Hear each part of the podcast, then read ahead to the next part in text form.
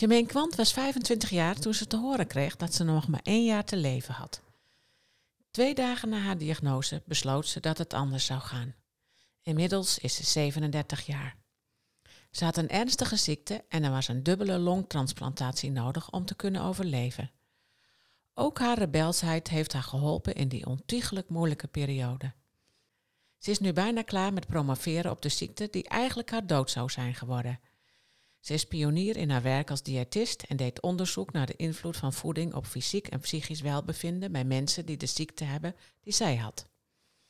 Bij haar eerste longlustrum kwam haar boek uit, Een ontiegelijk lange adem.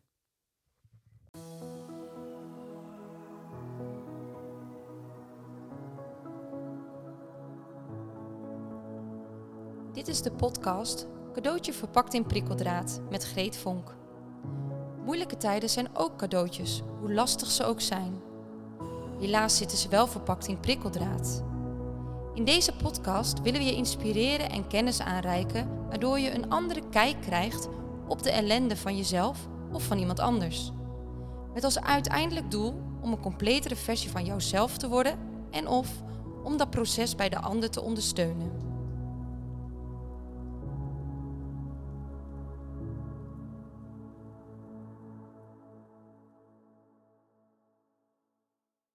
Jermaine, welkom. Ja, dankjewel. Ik zag net dat jij een tekst op je arm hebt getatoeëerd. Ja, ik heb een tato aan de binnenkant van mijn linkerarm. En um, dat is wel een bijzonder verhaal. Want toen ik in het ziekenhuis lag in afwachting van mijn longtransplantatie, draaide ik elke dag een nummer van Direct. En dat is uh, Years to the Love, heet dat nummer. En daarin zit een tekst die zegt... I'm gonna give it all I got because I want it just because I want it. En dat was mijn mantra eigenlijk in die tijd. Van ik ga gewoon door, want ik wil dit, ik wil dit, ik wil dit. En uh, dat heb ik laten tatoeëren met uh, mijn transplantatiedatum erbij, 2211. Wat bijzonder. Ja, en er zit ook een hartslag bij. Dat is eigenlijk geen goede hartslag. En dat staat ook symbool voor de hartstilstand dat ik heb gehad vlak na mijn transplantatie. Ja, en er zit nog een hartje bij uh, ja, getekend. Met ook één heel grote kant. Dat is de rechterzijde die van mijn hart ook heel erg vergroot was. Mooi. Ja. Ik heb jouw boek gelezen, Een ontiegelijk lange adem. Ja. Ik heb jou een beetje gevolgd op LinkedIn. En dat is wel een echt een heel bijzonder verhaal. toen jij 25 was, kreeg je eigenlijk te horen van... Nou, je hebt nog maximaal een jaar en dan is het klaar. Ja, dat klopt. Uh, ik zal even kort vertellen hoe dat kwam. Um, ik heb met kerstavond een herseninfarct gehad. Toen kwam ik op de spoedeisende hulp terecht. En uh, nou, dat is natuurlijk niet normaal als je 25 bent en je hebt een herseninfarct. Dus al snel kwamen ze erachter dat er iets niet goed was in mijn bloed. En dat ik te weinig zuurstof had in mijn bloed. En ook dat ik eigenlijk een afwijkend hartfilmpje had. Toen ben ik um, een paar dagen daar opgenomen gebleven. Ze wisten eigenlijk niet wat er met me aan de hand was. Nou, dat resulteerde daarin dat ik uh, de ene na de andere diagnose kreeg die niet klopte in vijf dagen tijd. En na vijf dagen werd ik bij een cardioloog geroepen. En die man die keek mij heel ernstig aan. En die zei, uh, ik heb heel slecht nieuws voor je. Je bent uh, dodelijk en niet te genezen ziek. En uh, we weten niet of we nog wat voor je kunnen doen. En dat was de diagnose pulmonale arteriële hypertensie. En dat is een plaatselijk verhoogde bloeddruk in de longslagader. Nou, misschien denk je bloeddruk, verhoogde bloeddruk, dat heeft half Nederland, niet zo erg. Maar deze plaatselijk verhoogde bloeddruk die zorgt ervoor dat de rechterkant van het hart opblaast en dat leidt tot rechtszijdig hartfalen, wat niet te repareren is. Nou, dan stort je wereld wel in van zo'n boodschap. Ja, zeker. Ik moet zeggen, ik ben altijd heel rustig. Ik ben niet echt een uh, paniekzaaier. Maar op dat moment voelde het echt alsof de vloer onder mij wegzakt en ik niet kon stoppen met vallen. Ik was echt helemaal in paniek. Ja, dat snap ik wel. Ben je 25 en dan mag je nog een jaar. Ja, en dat ik ook dacht van, nou, hoe moet ik dit gaan vertellen aan iedereen? En hoe kan dit? En ik wil nog zoveel. En alles ging door mijn hoofd. Ik denk in een seconde. Ja, bizar. Nou, maar we zijn inmiddels, uh, je bent nu 37, heb Ja. ik even uitgerekend Ja. vanmorgen. Dus het is niet gelukt. Nee, het is, uh, het is wat meer jaartjes geworden. Ja. Nou, en het heeft een heel bijzonder verhaal uh, opgeleverd. Je had ook besloten, hè, van dit gaan we echt niet doen. Nee, dat klopt. Ik had in het begin, kijk, toen ik net de diagnose had, vond ik natuurlijk, eerst werd ik bang en toen vond ik mezelf heel zielig. En waarom ik. Dat mag allemaal en dat moet denk ik ook om zoiets te kunnen verwerken of te accepteren. Maar heel snel daarna dacht ik, ja, dacht, dat gaat mij niet gebeuren. Ik ga zorgen dat het anders af gaat lopen. En dat was eigenlijk al na twee dagen. En met die motivatie en die instelling ging ik ook naar Amsterdam, waar het expertisecentrum zit voor pulmonale arteriële hypertensie. En eh, daar begon mijn behandeling. Het lef om zoiets te denken, hè? zo van, uh-uh, not me, dat Ja. gaat niet gebeuren. Past dat bij jou? Waar haal je dat lef vandaan? Ik bedoel, iedereen zegt, ja, hier ga je dood aan. En je hebt zoiets van, uh-uh, ik er niet. Ik heb denk ik een enorme passie voor het leven. Ik vind alles elke dag leuk. Eh natuurlijk heb je ook wel dagen dat het niet leuk is, maar ik bedoel, gewoon die wil om te leven, dat zit extreem in mij. Maar ook een beetje dat bravoure en recalcitrante, dat zit er van jongs af aan al in. En dat uitte zich echt nog meer op het moment dat ik deze diagnose kreeg. Van, ja, dat gaat mij niet gebeuren in elk geval. Dat is wel leuk, hè? Je positioneer jezelf ook als rebel. Ja, Nou, klopt. daar past dit denk ik wel eh, bij. Ja, zeker. Ja. En ik ben er van jongs af aan altijd al zo geweest. En dat heeft me heel veel gebracht. Niet dat het altijd makkelijk gaat, maar dat heeft wel ook mijn instelling zo gevormd dat ik nu ben waar ik nu ben. Denk je dat die mindset, in hoeverre denk je dat hij jou geholpen heeft? Ja, dat klinkt een beetje raar, maar Die mindset heeft mijn leven gered. Ja. Dat weet ik zeker. En dat is niet iets wat ik alleen van binnen zo vol en ervaar. Maar zelfs mijn chirurg, die mij getransplanteerd heeft, die zei tegen mij... Het enige wat jou in het leven hield, was op dat moment jouw ijzersterke wil om te leven. Dus dat was ook een van de redenen, even een sprong vooruit, maar dat ik zeg maar niet onder narcose mocht zonder dat mijn circulatie werd overgenomen door een hart-longmachine. Want anders Zodra mijn hersenen zouden stoppen, zodra de narcose zou toeslaan, zou ik anders gelijk overlijden. oh ja joh, Ja, hoe werkt dat? dan is de wil om te leven is eruit, zeg maar. Je, je hart kan dat ook niet aan, zo'n heftige narcose. En die combinatie van factoren, dus een ernstig falend hart, en dat red je gewoon dan niet. Dus dat hart kan die heftige narcose niet aan, maar ook je mindset valt dan weg. En dat was echt iets wat mij in leven hield op dat moment. Nou, we hebben nu een aantal keren al eh, gezegd, maar nadat je die diagnose kreeg, eh, ben je gewoon doorgegaan met leven. Ja, tot verwondering van heel veel mensen wat je eigenlijk allemaal nog kon en wat Ja. je allemaal nog deed. Maar op een gegeven moment ging het wel al eh, rap achteruit.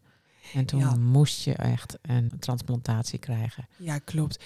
Ja, kijk, ik ben natuurlijk ook wel ijzersterk in het ehm, doen alsof het er niet is, zeg maar. Want dat is ook mijn houvast. Met die hele ziekte was gewoon, ik ga gewoon door en kijken wat wel kan en kijken naar mogelijkheden. En daar was ik ook heel eigenwijs in, maar dat heeft er wel ook in geresulteerd dat het echt heel spannend werd of er nog wel een longtransplantatie voor mij op tijd zou komen. En dat was zo. Ja, gelukkig wel. Ja, Ja, ik dat- heb heel veel mazzel gehad. Ja. Dat, dat las ik in je boek. Dat was super spannend, Ja. hè? Ik heb uiteindelijk, even ter illustratie, normaal gesproken staan mensen in Nederland volgens mij anderhalf tot twee jaar op de wachtlijst voor een nieuwe long. En ik heb er zes weken op gestaan. En dat geeft ook wel aan hoe ziek ik was en dat ik uiteindelijk nummer één van de Europese wachtlijst werd. Ja, die longen hadden geen twee dagen later moeten komen. Ja, bizar eigenlijk. hè? Ja, Hey, dat was wel een hele heftige ingreep, hè? Want je hebt uiteindelijk toen een half jaar in het ziekenhuis gelegen, alles Ja. bij elkaar. Ja dat was, eh, zeg maar, de tijd ervoor was al heel zwaar. Want normaal gesproken mag je thuis wachten tot er een donor beschikbaar komt. Nou, dat ging bij mij al niet meer. Ik had heel veel complicaties, onder andere acute nierfalen, ik had eh, leverfalen. Ik kon ook niet meer goed eten. Ik had heel veel vocht in mijn buik. Dat komt ook door het hartfalen. Dus nou, dat ging steeds eh, wat slechter. Uiteindelijk de operatie duurde acht uur. En toen hebben ze mij een week in slaap moeten houden, omdat ik te zwak was om überhaupt wakker te mogen worden. En toen lag ik inmiddels aan de hartlongmachine, waar ik net over vertelde, aan de beademing, aan de dialyse. En nog allemaal andere toeters en bellen die erbij horen op de IC. En ehm, ja, toen werd ik wakker. En toen heb ik na twee dagen een hartstilstand gehad. En daarna volgde ook de een en de andere complicatie. En lukte mij het maar niet om van de beademing af te komen. En dat eh, ja, duurde erg lang, want ik ben vier keer opnieuw geïntubeerd. Dus opnieuw aan de beademing gelegd. En daardoor zijn ook mijn stembanden blijvend beschadigd. Dus vandaar dat ik zo hees praat. Ja, dit is niet je originele stem. eh, Nee. nee. Ben je er inmiddels aan gewend? Ja, ik vind het veel beter dan hoe het was. Echt waar? Ja, zeker. Wat grappig. Ja. ja. Ik was altijd vroeger ook wel wat hezer. Maar toen had ik een veel hogere stem. En ik vind dit een veel fijnere stem ook om naar te luisteren als ik video's inspreek of mezelf terugluister. Dan eh, vind ik het veel beter.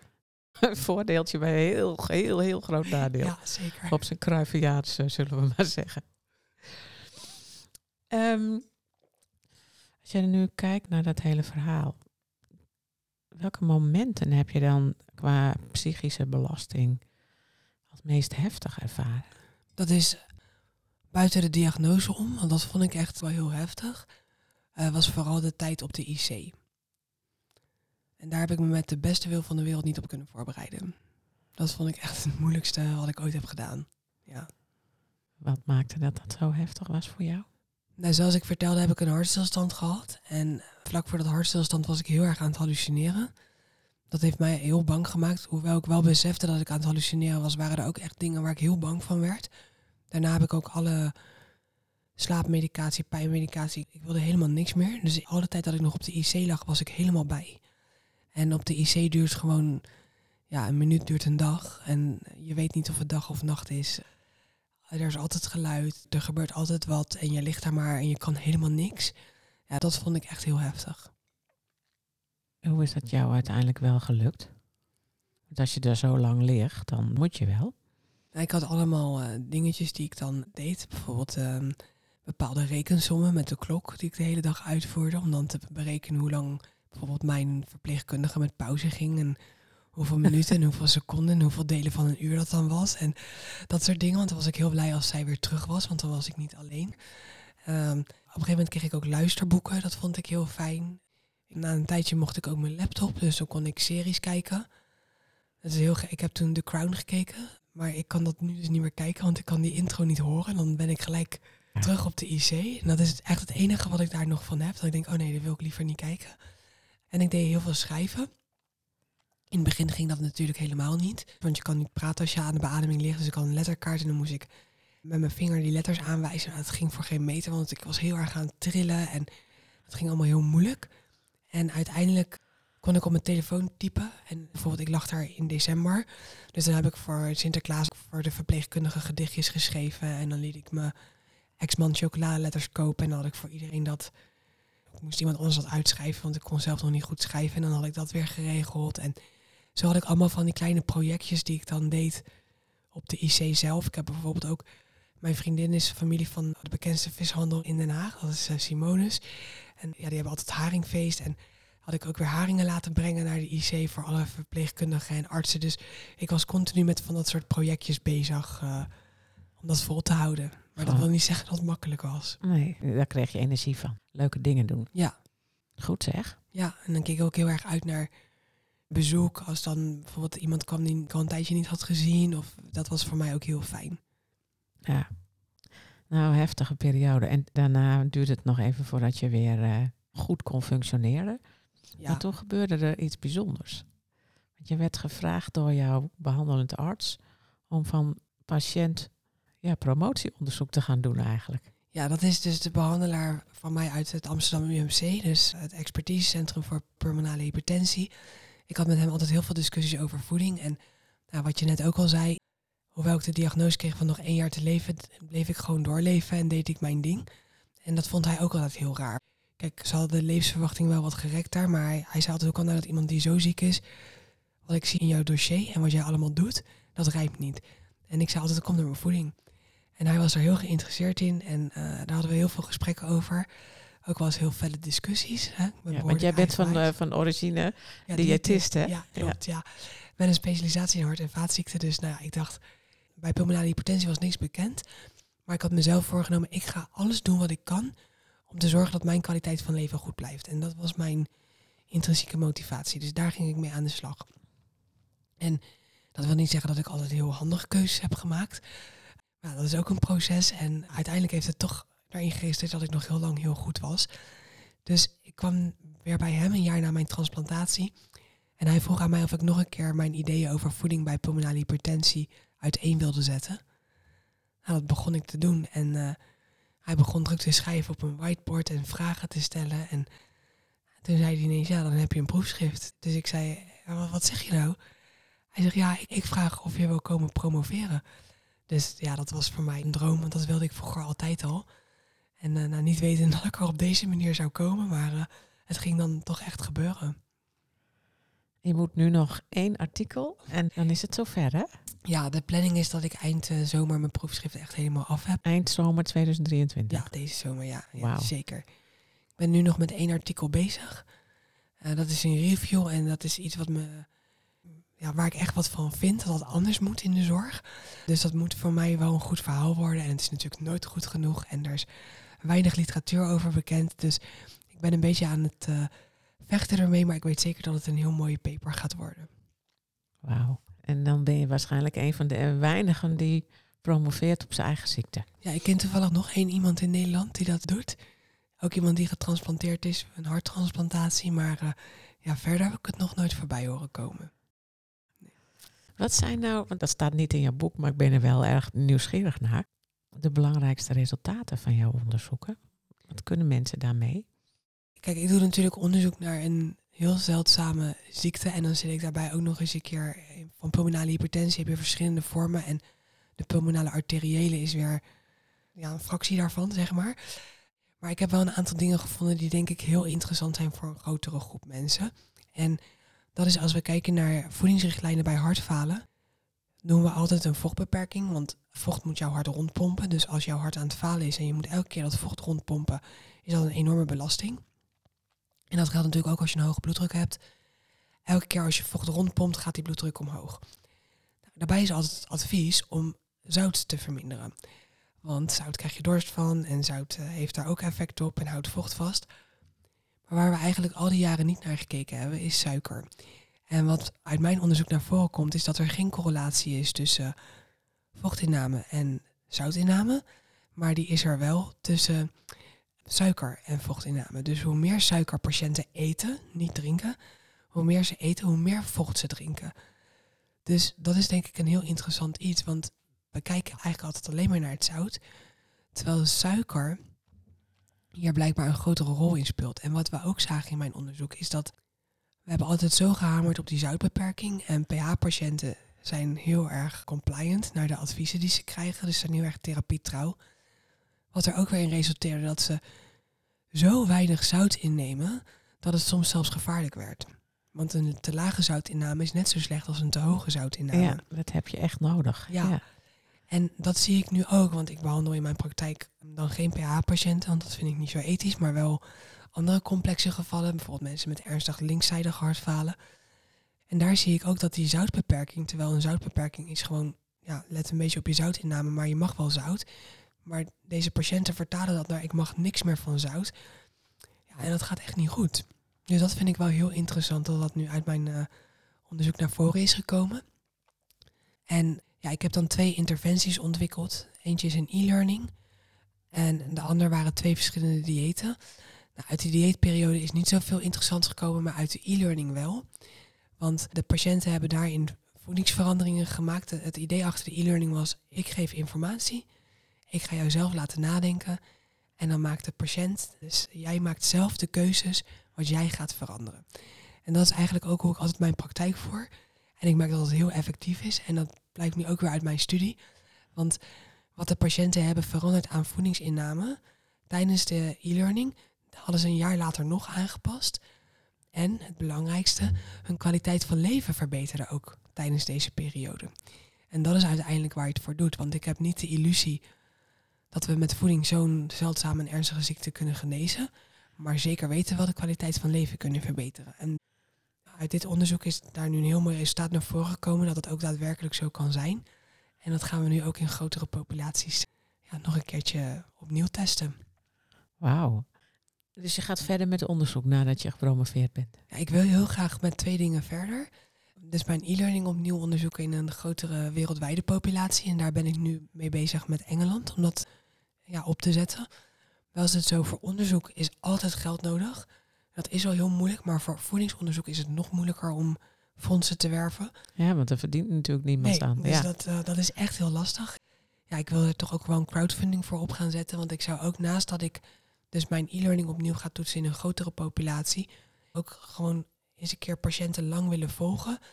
Om te kijken van nou, als je ze nou jaarlijks screent op voeding en hoe ze zich voelen en lichaamssamenstelling, slaap. Hoe verloopt het nou met die patiënten door de jaren heen? Want daar weten we helemaal niks van. Dus dat is iets wat ik ook nog heel graag zou willen onderzoeken. Ja, die crowdfunding site heb je nog niet zeker. Nee, nee daar, ik ben nog heel erg over aan na aan denken wat nou de beste manier is. Want, ja, want anders had je hem hier Ja. mogen noemen. ja, eh, misschien luistert er iemand met een goed idee. Maar eh, ja, je kan natuurlijk maar één keer pieken met een crowdfunding. Dus je moet dat echt goed aanpakken. Mooi hoor. Hey, en daarnaast ben je nu ook eh, spreker, hè? Ja, dat klopt. Ik sprak altijd al. Ik vind vanaf het moment dat ik mijn opleiding heb afgerond tot diëtist, ben ik eigenlijk altijd al, het podium opgegaan. Maar dan sprak ik natuurlijk voornamelijk over mijn vak. En inmiddels de laatste twee jaar ben ik gestart met een nieuwe keynote. En dat is eh, een keynote waarin ik pleit voor meer rebellen. Eh, mijn missie is ook om zoveel mogelijk rebellen te activeren. Ehm, ik zal zo nog even uitleggen waarom ik denk dat rebellen belangrijk zijn. Maar daarin zit dus de leidraad van mijn eigen verhaal. Alles wat ik heb meegemaakt en hoe die rebelsheid in mij mij heeft gebracht waar ik nu ben. En ehm, voor mij is rebelsheid heel belangrijk, omdat ik weet zeker dat als je wat meer rebelsheid hebt, dat je meer veerkracht hebt. En dat het ook leidt tot meer geluk, niet alleen in je leven, maar ook zeker in je werk. En ik promoot daarin drie eigenschappen waar je aan kan werken. En dat is dus, het eerste is dat je kritisch moet zijn naar jezelf, maar ook naar een ander. Dat je anders moet durven, maar ook vooral moet doen. En als laatste is ook dat je jezelf niet te serieus moet gaan nemen, want dat je nog wel moet blijven lachen om jezelf. En dat is denk ik het meest belangrijke van alles. En gedurende die presentatie vertel je ook je eigen verhaal. Ja, natuurlijk. zeker. Dat is mijn eigen verhaal, is de leidraad. En eh, ik illustreer met voorbeelden nou, hoe mijn rebelsheid soms heel goed was, maar hoe ik soms ook te rebels was en dat het weer niet zo goed voor mij was op dat moment. En dat eh, vertel ik gewoon mijn hele eigen verhaal. En dat is denk ik een heel leuke, inspirerende presentatie geworden. Gaaf. Ja, ik sloeg een beetje aan op dat woord rebel. Want feitelijk doen wij dat met ons gedachtegoed ook. Hè? Van eh, je gaat, nou, je doet het anders, laat ik het zo maar zeggen, omdat je het gewoon niet mee eens bent. Even voor de luisteraars die nog niet naar deze podcast luisteren, maar dat via jou dan doen. Hè? Wij hebben als missie posttraumatische groei bekender maken dan posttraumatische stressstoornis. En niet zozeer omdat wij dat nou zo belangrijk vinden in dat woord, maar omdat dat zo goed is voor mensen. Hè? Dus je kunt kijken naar de klachten van mensen. Maar je kunt ook kijken naar wat is hun verhaal en welke kwaliteiten, krachten, capaciteiten hebben ze. En hoe ga je die juist in zo'n periode van ellende aanboren. Dat is denk ik ook waar het gewoon om draait. Hè? Eh, PTSS, dat legt meer de nadruk op het verleden en het negatieve daarvan. Terwijl de posttraumatische groei, dat is echt hoe je jezelf kunt ontwikkelen. En dat is iets wat ik heel erg herken, maar ook zeker wat ik doe in mijn werk. Ik focus op kwaliteit van leven. En dat heeft alles met groei te maken. En nou ja, mijn vak is natuurlijk voeding, dus dan wil ik mensen met voeding daarmee helpen of met mijn eigen verhaal. Maar die groei is zo belangrijk en dat is denk ik een heel andere mindset. En ehm, ja, er zijn heel veel mensen die dat kunnen gebruiken. En dat is ook dat rebelse inderdaad. Ja, mooi. Nou, in dat kader daar hadden we het in ons voorgesprek ook even over. Van, eh, je hebt natuurlijk een, nou, laten we zeggen, behoorlijk heftige gezondheidsgeschiedenis. En toch heb jij zoiets van, ja, als ik het over moest doen, dan, ja, dit is oké, hè? Zoiets. Ja, zeker. Mijn ziekte was echt ellendig en ik gun het echt helemaal niemand. Maar het heeft mij wel gebracht waar ik nu ben. En ik weet zeker dat ik anders een heel ander leven had gehad. Dus ik kijk er natuurlijk niet met plezier op terug. Dat is raar om te zeggen. Maar ja, ik ben wel dankbaar, want ik ben daardoor wel geworden wie ik nu ben. En dat is denk ik de beste versie van mezelf, wat ik op dit moment kan zijn. En ik heb er ook prachtig werk door gekregen. En ik kan op deze manier ook iets terugdoen voor de mensen die nog wel deze vreselijke ziekte hebben. En ja, dat maakt voor mij dat ik heel veel zingeving en een waardevol leven heb. Over dit stukje hebben wij het wel vaker, hè? Want jij noemt ook het woord dankbaar. Dat is niet in de zin van dat je blij bent dat je die ziekte hebt gekregen, maar je hebt het eigenlijk geïntegreerd in je leven en er uiteindelijk iets goeds mee eh, gedaan waar je zelf heel tevreden mee bent. Ja, en ik denk dat voor ieder dat anders is, hè, hoe je dat invult. Maar voor mij is dit gewoon mijn pad. En ik voel ook dat mijn werk in deze wereld is nog niet klaar. Ik wil nog een verdere stap maken. En dat, eh, ja, dat is gewoon heel mooi. En ja, als je kijkt naar dankbaar, ik ben vooral mijn team in Amsterdam ben ik echt heel erg dankbaar, want die hebben wel ervoor gezorgd ook natuurlijk dat ik medisch zo ver ben gekomen. Maar mijn ziekte heeft mij echt onwijs veel gebracht. En natuurlijk ook mijn donor, want eh, ja, zonder mijn donor was ik er ook niet geweest. Hey, ik las dat jij ook nog van plan bent om een leefstijlpolie op te gaan richten. En daar ben ik nu mee bezig. Wil je er iets over vertellen? Ja, zeker. Dat is wel een leuk verhaal, want ik, mijn onderzoeksperiode is eigenlijk afgerond. Dan je PhD-contract loopt af. En ik had een onderzoeksmeeting en ik dacht, ja, ik heb zulke mooie resultaten uit mijn onderzoek. En daar moeten we gewoon iets mee. Dat moet gewoon in de praktijk worden gebracht. Dus wat ik eigenlijk tijdens mijn onderzoeksmeeting met mijn voormalig behandelaar en eh, nog een collega heb gedaan, is dat ik gepitcht heb wat ik vond wat er naar aanleiding van mijn onderzoek moest gebeuren. En dat is dus een virtuele leefstijlpolie waar pulmonale hypertensiepatiënten terecht kunnen voor eigenlijk alle beschikbare informatie over voeding, leefstijl, slaap, eh, bewegen, om hun kwaliteit van leven te verbeteren. En ze waren zo enthousiast dat er ja op is gekregen. Dus ik ben momenteel eraan aan het werk om die website te ontwikkelen en nieuwe tools te ontwikkelen waar patiënten dan gebruik van kunnen maken. Ja, en in navolging daarvan wil ik heel graag ook nog een fysieke poli waarvanuit ik dan dus onderzoek zou kunnen doen. En daar is dus echt geld voor nodig. Wat een energie, joh. Ja, hè? Ja, soms denk ik ook, waar haal ik het vandaan? Maar ja, nou, ik denk als je doet waar je hart ligt, dan krijg je daar energie van. Dan is dat er in overvloed eigenlijk. Ja. Want ervaar jij nog veel beperkingen nu? Ja, kijk, ik zit er altijd heel fris en fruitig bij. Maar de realiteit is natuurlijk wel dat ik medicatie slik om mijn eh, afweersysteem te onderdrukken. Waardoor ik geen afstoting heb van het orgaan van de long. Daar heb ik best wel veel bijwerkingen van. Ik heb nou, elke dag wel pijn, zenuwpijnen. eh, Ik tril heel erg. Ik heb eh, heel lang slaapproblemen gehad. En dat gaat de laatste tijd wel wat beter. Ik heb periodes dat ik me super goed voel. Maar ook heel veel periodes dat ik echt denk, hoe ga ik de dag doorkomen? Maar ja, dat lukt toch altijd weer. En eh, elke dag maken we er gewoon het beste van. En ik denk dat het daarom nog belangrijker voor mij is om goed voor mezelf te zorgen. Dus ik vind het soms nog af en toe lastig om mijn rust te pakken. Want ik, ik leef nu, hè, dus het moet allemaal nu gebeuren. Ehm, maar ik neem wel meer rust en ik eet natuurlijk heel gezond. Ik beweeg veel. Ik doe dingen waar ik echt blij en gelukkig van word. En dat scheelt al zoveel.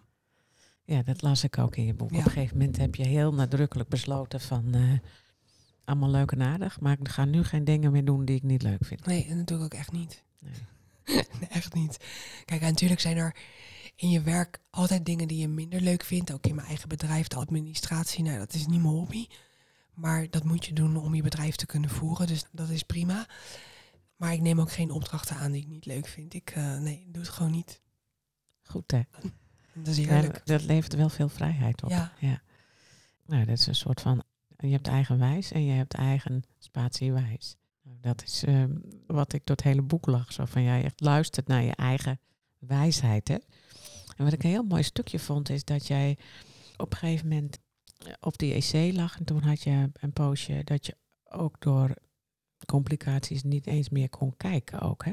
Ja, klopt. En dat vond ik ook een heel mooi stukje, dat je daardoor juist veel meer bent gaan voelen. Ja, ik had toen een complicatie waardoor ik mijn zicht ineens verloor.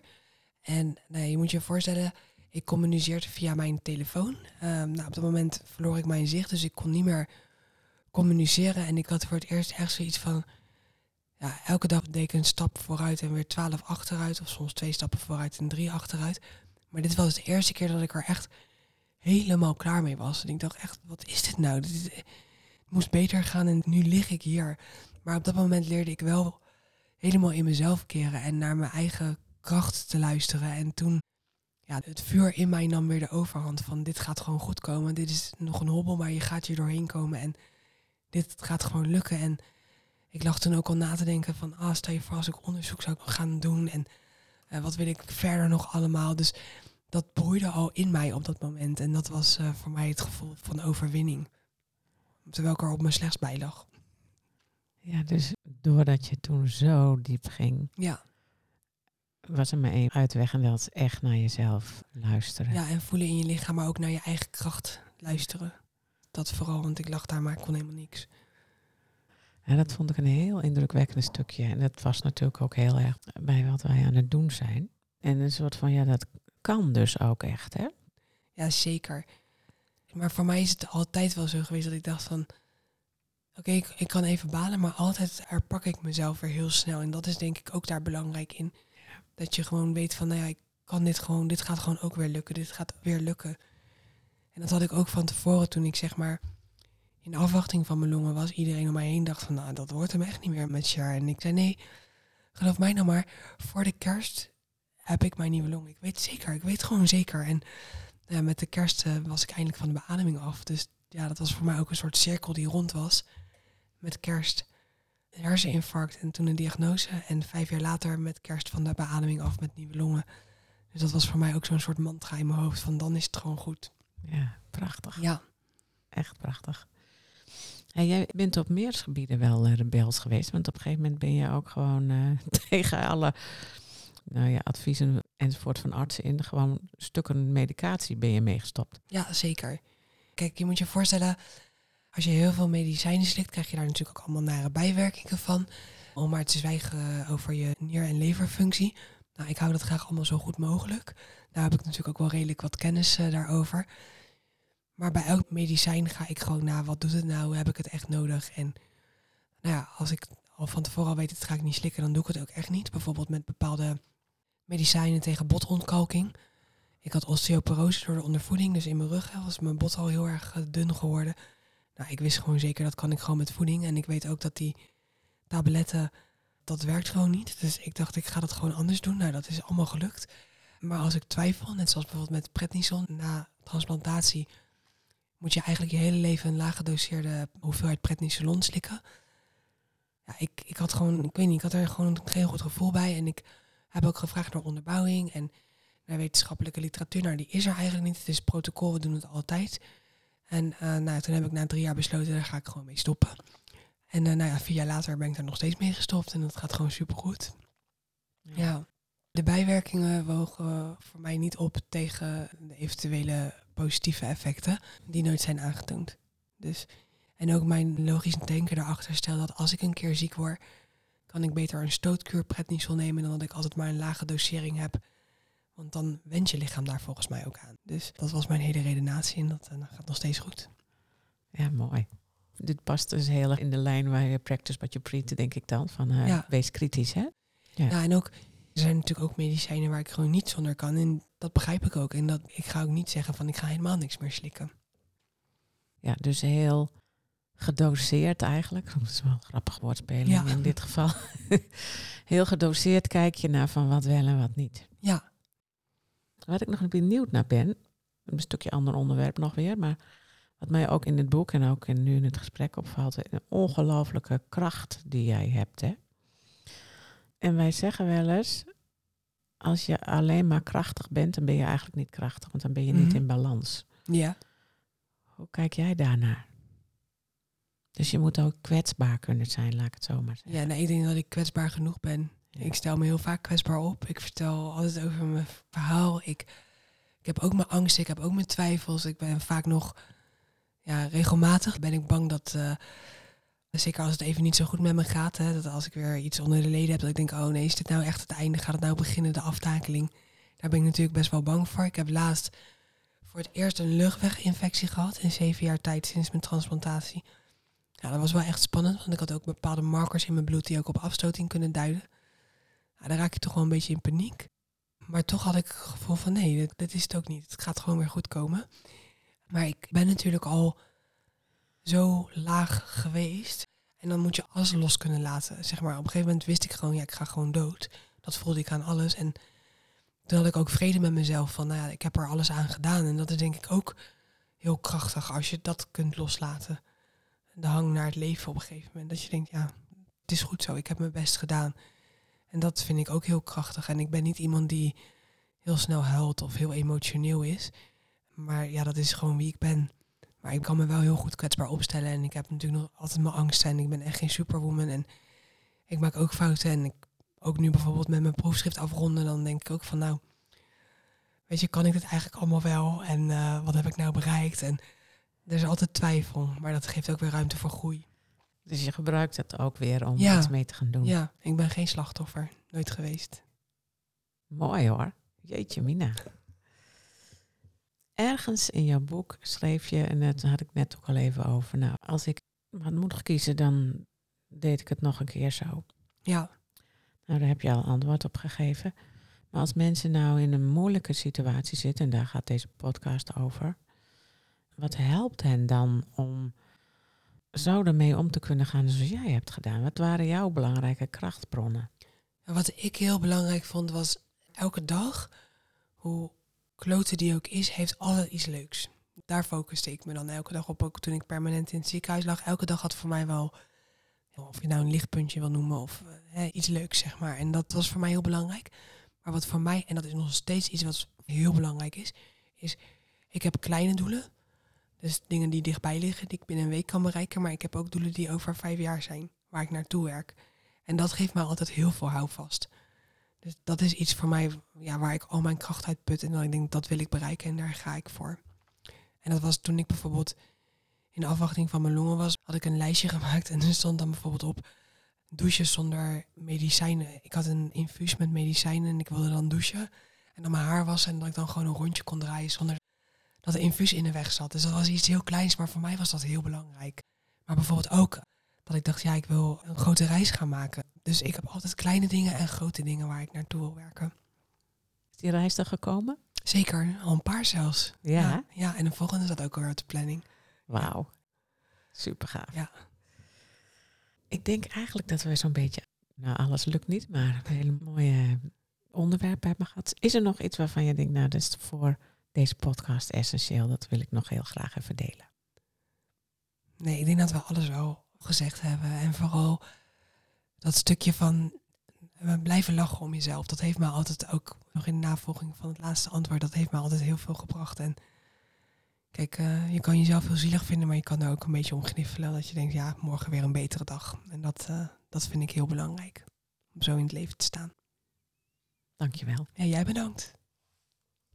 Dankjewel voor het luisteren naar deze cadeautje verpakt in prikkeldraad podcast. We willen nog graag een paar belangrijke dingen met je delen. Als je enthousiast bent over deze podcast, dan zijn we blij met een review. Daarmee help je ons bij onze missie. Je kunt de podcast natuurlijk ook doorsturen aan mensen van wie jij denkt dat ze er ook iets aan hebben. Wil jij voortaan alle nieuwe podcastafleveringen overzichtelijk op een rijtje? Abonneer je dan op deze podcast. Heb je vragen of ideeën voor deze podcast? We horen het graag. Je kunt een mail sturen naar info@sterkerdoorellende.nl of Greet Vonk een bericht sturen op LinkedIn. Zoveel mensen kunnen profiteren van een andere kijk op ellende. Het is daarom onze missie om PTG bekender te laten worden dan PTSS. Wil jij meer weten over PTG of bijdragen aan onze missie? Kunt op onze website www.sterkerdoorellende.nl onze boeken bekijken en eventueel kopen, de e-learning bekijken, een gratis inspiratiesessie volgen, de PTG-vragenlijst invullen, workshops en opleidingen boeken. We hopen dat deze podcast jou heeft geïnspireerd, zodat je in tijden van ellende in jouw leven of werk kiest voor het positieve en hoopvolle gedachtegoed van PTG. Voor jouzelf, je familielid, je vriend, vriendin, collega, klant, voor wie dan ook. Tot de volgende keer.